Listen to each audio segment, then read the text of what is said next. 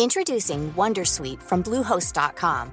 Website creation is hard, but now with Bluehost, you can answer a few simple questions about your business and get a unique WordPress website or store right away. From there, you can customize your design, colors, and content. And Bluehost automatically helps you get found in search engines like Google and Bing. From step-by-step guidance to suggested plugins, Bluehost makes WordPress wonderful for everyone. Go to bluehost.com/wondersuite.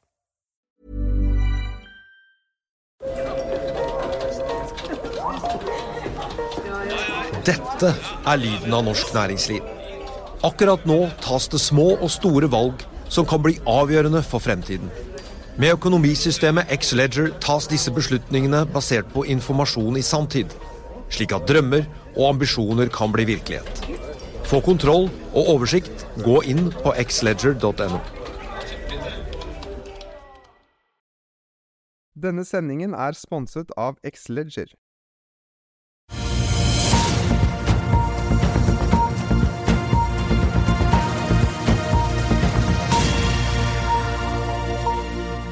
Riktig god morgen og velkommen til Børsmorgen her hos oss i Finansavisen denne tirsdagen. Mitt navn er Benedikte Storm Bamvik, og med meg får jeg aksjekommentator Karl Johan Molnes og etter hvert DNB-forvalter Hans Marius Lie Ludvigsen, der nordiske small cap-aksjer vil være i fokus.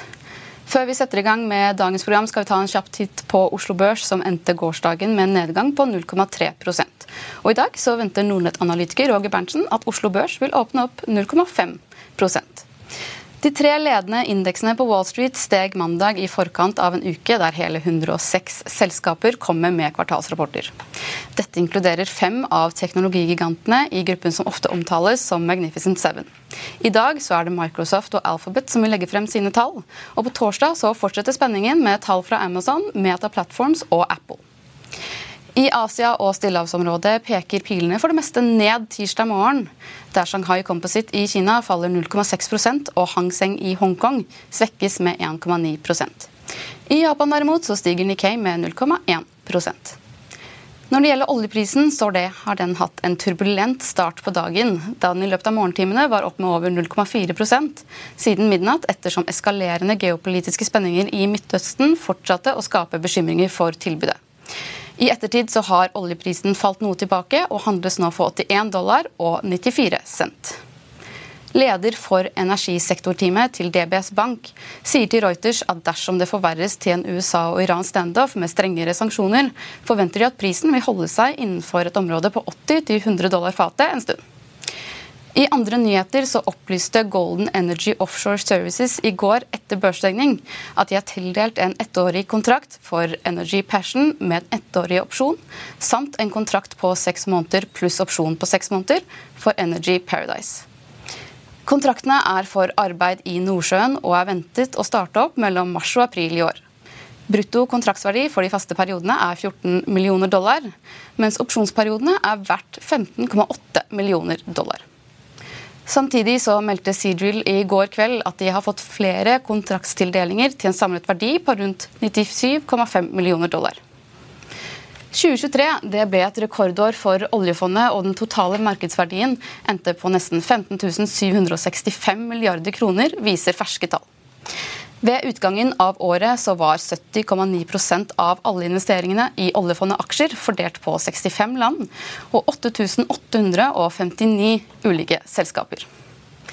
Når det gjelder nye oppdateringer fra meglerhusene, så har SEB økt kursmålet på Høg Autoliners fra 135 til 155 kroner per aksje, i tillegg til at kursmålet på Valenius Wilhelmsen øker fra 130 til 140 kroner.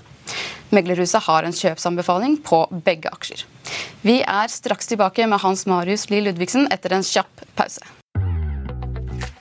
Vil du bli oppdatert på det viktigste som har skjedd innen finans og næringsliv? Da er det bare å følge med, for hver morgen er jeg, Marius Lorentzen og aksjekommentator Karl Johan Malnes på plass i studio for å ta tempen på dagens marked i Børsmorgen. Og hver ettermiddag oppsummerer vi alt du trenger å vite i økonominyhetene, og det blir selvfølgelig masse interessante gjester. Klikk deg inn på fa.no-tv, eller søk opp Børsmorgen og Økonominyhetene der du hører på podkast.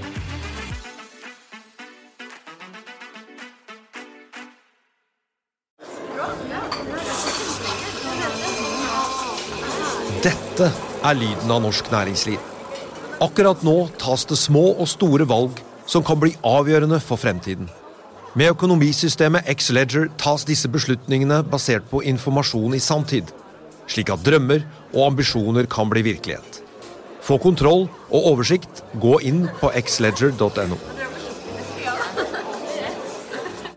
Denne episoden er sponset av van Brun, en fremtredende smykkeforhandler kjent for sitt brede utvalg av forlovelsesringer, gifteringer og diamantsmykker som bæres og elskes i generasjoner. Et frieri er en av de største øyeblikkene i livet, hvor forlovelsesringen er et tidløst symbol på kjærligheten. Valg av ring krever omtanke for både hvilket metall og diamant, med et bredt spekter av både naturlige og labdyrkede diamanter, og metaller som platina, gult gull, hvitt gull og roségull, hjelper de deg med å sette et personlig preg på din kjærlighetshistorie. Van Brun vil gjerne invitere deg til å prøve på tre av dine favorittringer fra nettsiden helt kostnadsfritt. Du kan også låne et bredt spekter av frieriringer, slik at du og din forlovede kan velge en ring sammen etter det store ja. Van Brun tilbyr 90 dagers åpent kjøp og 90 dagers gratis størrelsesjustering. Utforsk deres eksklusive sortiment i luksuriøse omgivelser. Bok en konsultasjon sammen med en diamantekspert i deres showroom i Oslo. Eller online på vanbrun.com. V-a-n-b-r-u-u-n.com. Da er det bare å ta godt imot DNB-forvalter Hans Marius Lie Ludvigsen. Velkommen til oss. Takk, takk. Du forvalter jo fondet Small Cap eh, Nordic, og det steg jo 22,21 eh, i fjor. Eh, først og fremst, Hvor mye er det dere forvalter i fondet? Så Fondet nå er på ca. 1,4 milliarder norske kroner. Ja, nettopp. ikke sant. Og så var det mye av oppgangen som kom på slutten av fjoråret. Var det drevet av generell børsoppgang som man så uh, i de fleste sektorene, eller hva, var det som drev oppgangen for smallcap? Nei, det var jo det, det, I utgangspunktet var jo 2023 et ganske dårlig år store, store deler av året. Liksom ti måneder godt under vann der. Og så fikk vi jo en ganske saftig rentenedgang i USA som drev mye liksom risk on i markedet, vekstaksjer, small caps gikk bra.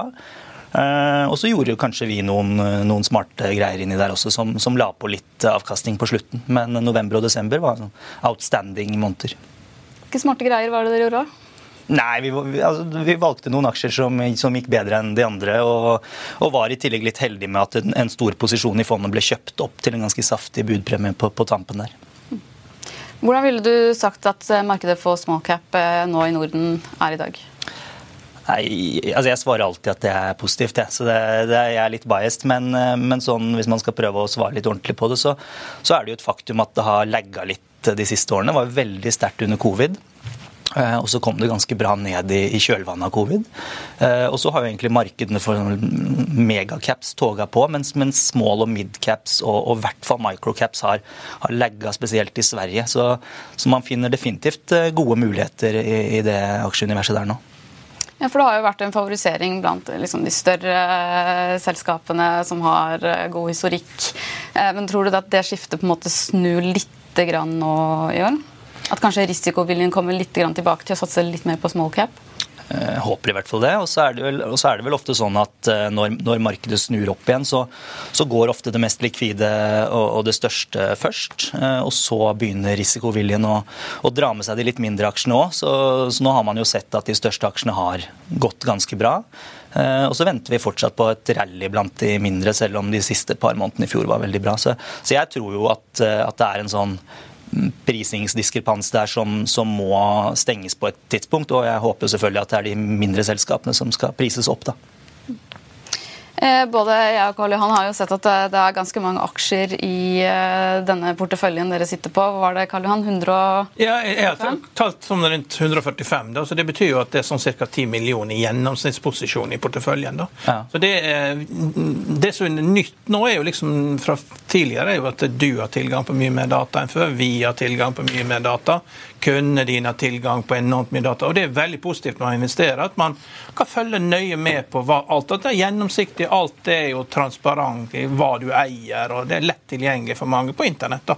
Men, men, det kunder er opptatt av da, når de skal investere, er hva slags prosess du har. liksom. Er det sånn at du ok, du ser på en ny aksje, så ok, da skal den inn, og så er det en gjennomsnittsposisjon på 10 millioner. og så Hva er det som gjør at du beholder den aksjen? Hva er det som gjør at du selger? For jeg ser at du har, du har noen skikkelige racere, Pagero og Humble, som har gått veldig bra i forhold til de andre. Da.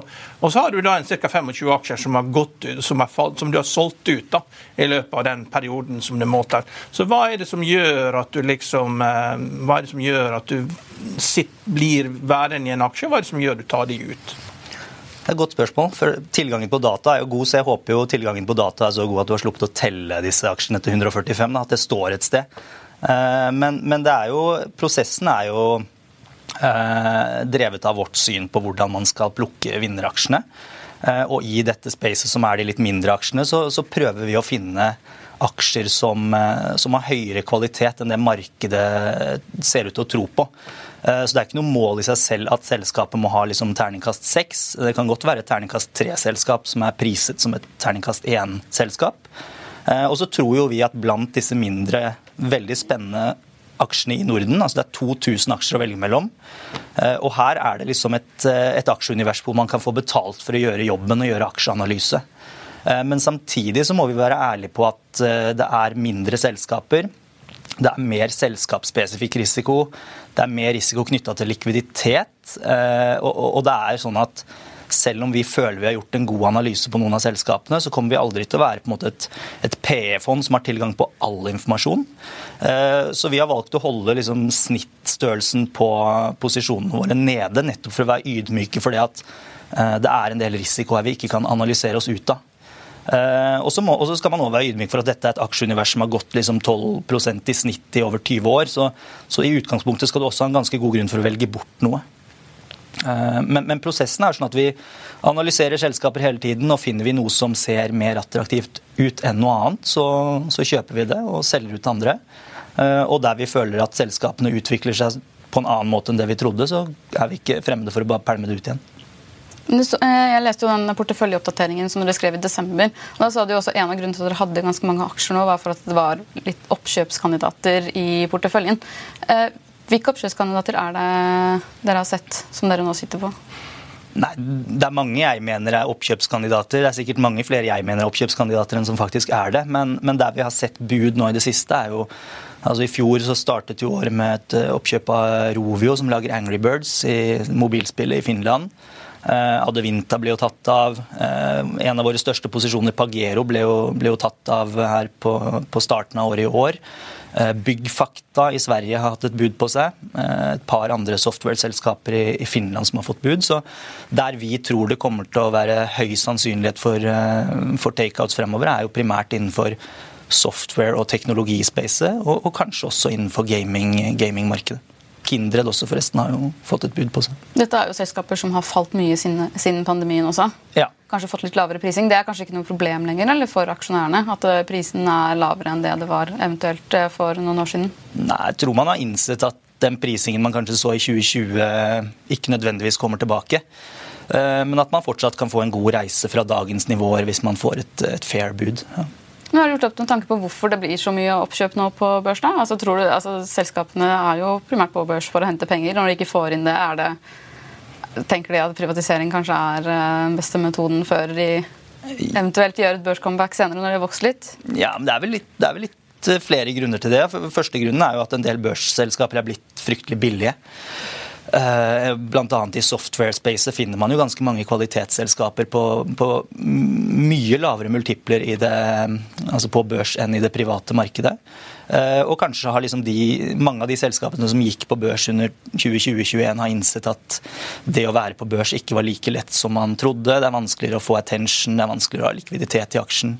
Eh, og da er det jo en del eh, PE-fond og strategiske investorer som ser at de kan få tak i kvalitetsselskaper relativt billig, kanskje har en del cash på bok. Så, så det er ganske mange grunner til at det er en, en god idé i dagens klima. Hva er de siste endringene du har gjort i fondet nå? Altså, hvis du kan nevne spesifikke selskaper, da, hvilke det du har tatt inn, eventuelt gått ut, og hvorfor? Ja, nei, vi, vi, gjør jo endringer hele tiden, men den siste relativt store posisjonen vi har tatt inn, er kanskje Matas Group i Danmark, som er en retailer egentlig av kosmetikk og litt sånne enkle apotekvarer som, som alltid de har liksom aldri vært helt verken fugl eller fisk sånn konsept-wise. Eh, og så har de rendyrket konseptet sitt, eh, oppusset en del butikker, fått et litt klarere konsept og, og kjøpt opp da en av de største nordiske konkurrentene i Kix, eh, som også er veldig gode på online-satsing. Så Nå, Der tror vi det er en del synergier både liksom, som henger høyt og lavt, og, og tror markedet undervurderer hvor mye latent inntjening som ligger der de neste årene. Så den, den har vi tatt inn. Det er forskjellig prising i de ulike markedene på small caps. altså Sverige og Danmark er jo tradisjonelt dyrere markeder enn Norge og Finland. Men når du ser på small cap i Norden, eh, eh, hva er det som gjør det attraktivt? Er det at de vokser eh, raskere enn de store, eller er det at de er billigere, disse aksjene? Mm, det er vel for det første at de vokser raskere eh, og, på relativen derfor er billigere enn de store. Eh, ofte har du litt mer sånn innsideeierskap. Eh, du har den kickeren av at rundt 40 selskaper i året blir kjøpt opp fra nordiske børser til ganske saftige premier. Og så tror jeg noe av det som er attraktivt med det, er at du kan få ordentlig betalt for å gjøre jobben hvis du føler du finner et skikkelig godt case der hvor du har en edge mot markedet. Altså Jeg kan sikkert bruke dagevis på å analysere fjerdekvartalstallene til liksom Novo Nordisk eller Equinor, og ender sannsynligvis opp rundt der resten av analytikerfeltet ligger. Men mange av selskapene jeg eh, eier og, og følger med på, har jo veldig lite eller ingen analysedekning, ingen attention. Dere snakker ikke om de her, eh, skrives ikke om de i avisene. Eh, så det er klart at hvis man, hvis man, bygger seg opp en kunnskap om disse selskapene over tid, og, og, og merker liksom at nå er det dags for å gå, for å gå all in her, så, så, er det en edge jeg tror man kan få i de mindre selskapene som man ikke nødvendigvis kan få på samme måte i de store. Nå har jo amerikanske aksjer vært veldig populære veldig lenge, og Europa har lagt langt nede. da, men hvis, eh, når begynner, hvis, hvis det begynner å få rentekutt i USA og dollaren begynner å svekke seg, så går det ikke så veldig lang tid før eh, mange av de store amerikanske fondene da vil si, da vil si at OK, til small cap, her er det 2-5 millioner dollar, finn meg fire-fem-seks selskaper du vil gå inn i. og Da er de ganske trigger-happy. for Så lenge det at eh, dollaren da svekker seg, da, så tjener jo de penger på det dette her, selv om ikke aksjene går så bra. Så du får en ny type flow som du ikke har hatt på 15 år. Og, det kommer nok. og Vi kan kanskje se en liten, en liten Jeg følger jo med på aksjonærlisten. Der er enkelte som har begynt, store som har begynt å kjøpe eh, smallcap-aksjer som de ikke har gjort før da, på en stund. Og, og Det vil jo gi deg vind i ryggen med din strategi, da, hvor det har vært, lenge har vært veldig stor fokus på tech-aksjer i USA. og mm. Det er kanskje det at den heliumballongen når den sprekker, så skal pengene et annet sted. Jeg håper du har rett. Men du sa at vi, Det er ikke så mye prat om mange av de selskapene du har i porteføljen. Nei. La oss endre på det. Ja. Eh, la oss se litt på, eh, på, toppen her. For det er ganske mange svenske aksjer først og fremst som har, ligger på topposisjonene. I hvert fall i den oversikten jeg har sett. Eh, der har du jo Humble eh, Group og Pagero. Kan ikke du forklare litt hvorfor akkurat disse er på topp? Det er jo også de du trakk frem der som har hatt mest vekst i det siste. Ja, ja. Pagero er jo, er jo, kjøpt av børs nå, altså den er jo ikke lenger i fondet. Nei. Eh, det får vi presisere, men vi kan snakke desto mer om Humble Group, da, som, er, som er fondets største posisjon i dag. Jeg tror vi har 6,5-7 der ca. Humble Group er egentlig en gruppe eller et helt økosystem som, som, produserer konsumentvarer innenfor eh, produkter som er eh, holdbare, eller økologiske eller bærekraftige, i det minste. Eh, og det er alt fra liksom godteri uten sukker til økologiske tannbørster til bærekraftige bleier proteinbarer, proteinpulver. Eh, så de har både sine egne merkevarer, som er cirka, Ja, kanskje en tredjedel ish av omsetningen. Eh, kanskje 40% Og så har de det som kalles white og private label-produksjon for dagligvarebutikkene. Så hvis eh, Ica i Sverige skal ha produsert noen proteinbarer, så er det typisk Humble Group som, som lager de. Lager en del for Rema også, blant annet. Eh, og så har de ca. 20% som er distribusjon av, eh, av, andre merkevarer. Så de har veldig mange bein å stå på. Og jeg tror eh, veldig mange som de få som har hørt om Hummel Group, tror det er disse bambustannbørstene, som, som riktignok var noen av de tidligste produktene de kom med. Men, men, veldig mange jeg har snakket med, tror fortsatt det bare er de. Og, og det er kanskje prosent knapp prosent av omsetningen. Og Så lenge det er liksom holdningen der ute om at Humble Group bare lager tannbørster, så, så er jeg veldig komfortabel med å eie Humble Group. De, de vokser en 12-15 organisk i året. Internasjonale. Eksponert mot veldig mange nisjer som jeg tror kommer til å gjøre det veldig bra fremover. Sånn som eh, altså godteri med, min, med færre kalorier og uten sukker. Uh, proteinpulver og barer. Jeg tror sånn, når, når, folk skal over på disse slankemedisinene, og sånn, så kommer det til å bli mer fokus på proteinpulver og proteinbarer. Uh, og, og, de har også en marginreise foran seg, og så prises den liksom til ja, kanskje ti ganger inntjeningen i år og seks-syv ganger neste år. Så, så den er bare altfor billig. Uh, den kommer jo fra litt sånn berømt svensk eh, compounder-ståsted, hvor du gjorde en del oppkjøp i 2020-2021, dro på deg for mye gjeld, eh, og så plutselig kom renta imot deg, og markedet var ikke like smooth som, som det pleide. Så, så, nå har de brukt som De fikk jo en, en, voldsom nedgang i aksjekursen sin, eh, og så har de rekapitalisert, henta penger, erstatta dyre bonds med bankgjeld. Balansen er helt fin nå, og, og selskapet er sunt, så jeg tror egentlig bare det trenger å, å levere, og at flere øyne ser på de. Har du mye konsumaksjer i porteføljen? Mm, ja, vi har jo i den forstand at Humble er jo en konsumaksje hvor vi har ganske mye. Så, og så har vi jo en del retail-aksjer eh, som, som, Matas. Vi har litt Boost, bl.a. Eh, et par finske retailere i Tokmanni og Puilo. Så, så det er en del, en del konsum der nå. Mm.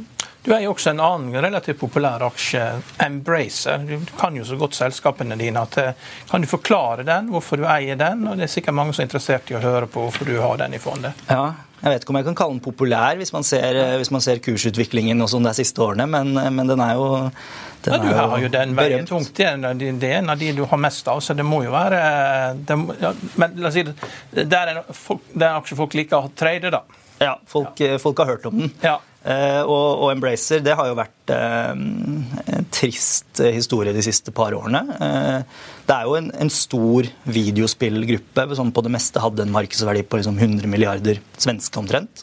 Kanskje litt mindre. Så de lager videospill, PC-spill, mobilspill, brettspill. Eh, de også har jo vært veldig liksom, aggressive på oppkjøp. Dratt på seg mange studioer. Litt sånn klønete kanskje gruppestruktur med mange sånn enkeltstående studioer som fikk drive litt fritt. Eh, også en balanse som også hadde litt for mye gjeld. Eh, og så så jo lenge dette veldig bra ut. Under covid var markedet kjempebra. Kapitalmarkedene var bra. Og så fikk man jo alltid trynet igjen i årene etter når liksom mobil, nei, eller eh, spillmarkedene, etterspørselen kollapset litt når samfunnet åpna opp. Uh, og I tillegg så røk et par veldig viktige strategiske dealer, spesielt én stor som, som, forsvant der i, i fjor, uh, som fikk kursen til å kollapse. Og Nå er man jo mer i den moden hvor man må legge ned studioer, legge ned prosjekter prosjekter som tidligere var lønnsomme i et spillmarked som, som så mye mer attraktivt ut, er ikke lenger lønnsomme. Så nå, nå må man kutte litt til beinet. Eh, men grunnen til at vi har beholdt den, til tross for at det har vært en, en trist historie så langt, er jo at vi tror det er verdier her i IP-ene de sitter på, i, i det Asmodi-oppkjøpet, som er brettspillprodusenten, som, som, tross alt kan mene hva du vil om brettspill, men det er en ganske fin business sånn eh, over en sykkel. Eh, mobilspillbusinessen genererer mye cash. Så, så, vi tror jo at når de kommer seg gjennom den restruktureringen, her, så er det fortsatt, fortsatt mye verdi å krystallisere i gruppen. Ja. Vi ser også at du har eh, to biotek-aksjer ganske langt opp. Da. Det er jo Swedish Orphan og Sealand Pharma. Er jo, biotek er jo veldig binært. Altså, hva, hva, er det du gjør? Hvordan velger du ut hvilke biotek-aksjer du skal gå for, og hvilke du skal la være å eie? For det er jo opplagt at Når det kommer oppkjøp, så er det bingo. Og hvis du ikke er med på det, så er det skuffende å ikke være med på det. Så hvordan tenker du rundt den sektoren for å få med deg de beste der? Eh, prøver jo å unngå de aller mest binære. Og, og, tar man, eh, og eier man noen som er voldsomt binære, så må man i hvert fall holde posisjonsstørrelsen veldig lav. Når det kommer til Sobi, Swedish Orphan og, og Sealand, så, så, er jo de ganske mange knepp mindre binære enn de, enn de aller mest binære. Sobi har jo ganske mange ben å stå på og en del spennende vekstmuligheter og et oppkjøp de gjorde her for, for en tid tilbake som ser ganske spennende ut. Sealand er jo Eh, en ganske klar nummer tre-spiller i racet om fedmemedisineringen bak Eli Lilly og Novo. Uh, og, og, sånn sett uh, et, et ganske, en ganske billig i våre øyne eksponering mot det markedet som vi tror kommer til å bli ekstremt stort. Uh, men, men, det er jo som du sier, vi har jo ikke noe edge på de aller mest binære biotech-casene, så der er vel kanskje løsningen mest for vår del å, å stort sett holde seg unna. Men når du velger aksjer, altså er det noen bransjer som du aktivt styrer unna, eller er det litt mer ned på selskapsspesifikke ting når du plukker vekk? selskaper? Det er vel ikke noe aktivt jeg styrer unna av, av, sektorer, men det er jo noen sektorer jeg både altså, ikke liker så veldig godt, og noen sektorer som jeg ikke er sånn voldsomt flink i. Altså, eh, F.eks. olje- og shippingsektoren er jo en sektor som jeg vil påstå at jeg eh, ikke er noe sånn, har ikke noe spisskompetanse i det. Og jeg tror ikke de som har primært lyst på shipping og oljeeksponering, eh, da tror jeg mitt fond er ganske langt ned på lista over de fondene de, går for. Og jeg er ganske langt ned på lista over de forvalterne de går for. Eh, så der prøver jeg jo å, å, lytte til de som er flinkere enn meg, og, og, og, ikke tape for mye, rett og slett. Hvis det er de sektorene som gjør det bra. Eh, bank er jo også en sektor jeg syns er ganske kjedelig. Jeg syns businessmodellen bank er sånn Det er homogene produkter og veldig liksom Du lever veldig på at kundene kanskje ikke gidder å bytte bank så ofte og eh, veldig vanskelig å skille selskapene fra hverandre. Eh, ikke noen voldsom vekst å snakke om. Så det, det, er kanskje en sektor jeg i snitt styrer unna. Men iblant er det riktig å eie det òg. Ikke sant. Vi må jo se litt på de eh, norske selskapene som du også har på listen her. for jo, Der er det Skipsted. Nå er det jo bare å korrigere meg hvis det er feil på oversikten. Eh, Skipsted og Link Mobility som på en måte er de topp i, blant norske aksjer. Mm.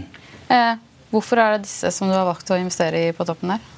Det er helt riktig at det er de to, eh, først og fremst. Eh, nei, Skipsted eh, de har jo gjort veldig mye riktig i våre øyne nå de siste årene. altså eller det siste året her, og Før det har de sikkert gjort mye feil, men det, det får man anta ligger i, ligger i kursen. Så Skipsted seiler jo nå opp som liksom en, en pure play classifieds, i hvert fall så godt som et classified selskap. Eh, og så er det jo veldig mye cash som skal ut her når liksom Adevinta lukkes og, og Newsmedia-transaksjonen går igjennom. Eh, og da tror jo vi at storyen som kommer til å bli, er at du har et ganske et relativt attraktivt prisa Eh, online classified-selskap. Eh, et av få selskaper egentlig i Norden med, med klare nettverkseffekter og klar nummer én-posisjon i noen veldig lønnsomme vertikaler. Eh, det er ikke mange selskaper som det der ute. Du har liksom Hemnet i, i Sverige som, som har samme, noen lignende features, men den prises jo til gjengjeld helt hinsides i forhold til Schibsted. Så vi, vi tror det blir liksom når du får rendyrket den, det investeringscaset her, så tror vi flere øyne kommer til å se på det både her til lands og utenlands. Og da tror vi den, den er liksom i hvert fall 30-40-50% for billig. Uh, Link også gjort mye riktig det siste året. Closet jo et, et veldig attraktivt uh, salg av den amerikanske businessen sin. Som gjør at alle som var bekymra for balansen nå kan, kan sove godt igjen. Og nå kan de rulle i gang en del sånne add-on-oppkjøp i Europa som de historisk har vært veldig gode på. Eh, og da tenker vi at eh, hvis den eh, motoren kommer i gang igjen, så kan du ha et par kroner i apps her i, kanskje i 2025. Og i dag er vel aksjen snaut 19 kroner, så det, det, tror vi også er 50% for billig. Så, så, de to tror vi er inn for en sånn reprisingsrunde her framover. Hvor mye tror du Link kan vokse nå fremover? Nei, Organisk kanskje de kan vokse en 8-10-12 eh, i året sånn over en sykkel. Og så kan du adde på eh, Litt avhengig av hvordan markedet er, men du kan sikkert adde på hvert fall en 5 eh, på en kanskje, kanskje, så mye som det dobbelte via oppkjøp. Og da, da blir det ordentlig moro. Hva tenker du, Karl Johan? Nei, Dette her er en, en, forvalter som kan sine aksjer. og Han har ikke få aksjer av de heller, så dette er jo kjempebra. så Pengene er i trygge hender, så det er bare å gjøre seg klar og vente på at amerikanerne kommer med store penger og begynner å kjøpe opp small cap i, i Norden. og Da skjønner man ikke helt hva som skjer. Men det er jo det er ikke bare oppkjøp av store selskap, men det, det flyter jo inn med penger. og 2 og 5 millioner dollar inn i været. Så det, det blir en forskjell. altså. Og eh, det kommer hvis at dollaren svekker seg. Det kommer. Jeg stoler på deg. Ja. Da tror jeg vi må sette en strek der. Tusen takk for at du kom, Hans Marius. Før vi runder av dagens sending, vil vi bare minne om eh, dagens utgave av Finansavisen, der du kan lese om det ferske selskapet Sport AI, som har hentet 8 millioner kroner i en emisjon, der, han, der Magnus Carlsen sto først i investorkøen. Du kan også lese om tre villaer på Gimle som etter lang tid på markedet har fått nye eiere. Odd Karlsnes, som var megler ved to av salgene, sier det har vært et en markant økning i etterspørselen etter byvillaer, spesielt på Gimle og på Frogner. Mer om dette og mye mye mer kan du lese om på fa.no, der du også vil få siste nytt fortløpende gjennom hele dagen. Husk å få med dere økonominyhetene i ettermiddag 14.30, og ellers så får dere ha en riktig god dag videre. Takk for nå.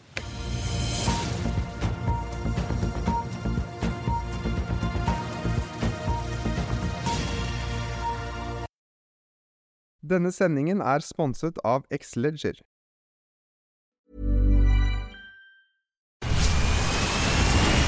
Where's that dust coming from? Still finding debris after vacuuming? Eufy X10 Pro Omni Robot Vacuum has 8,000 PA of powerful suction to remove debris deep in carpets. And it's totally hands free. Want to know more? Go to eufy.com. That's EUFY.com and discover X10 Pro Omni, the best in class all in one robot vacuum for only $799.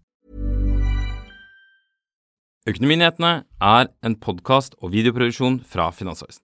Programleder er Marius Lorentzen. Aksjekommentator er Karl Johan Molnes. Produsent er Bashar Johar. Podkast- og videoansvarlig er Marius Mørk Larsen. Og ansvarlig redaktør er Trygve Hegnar.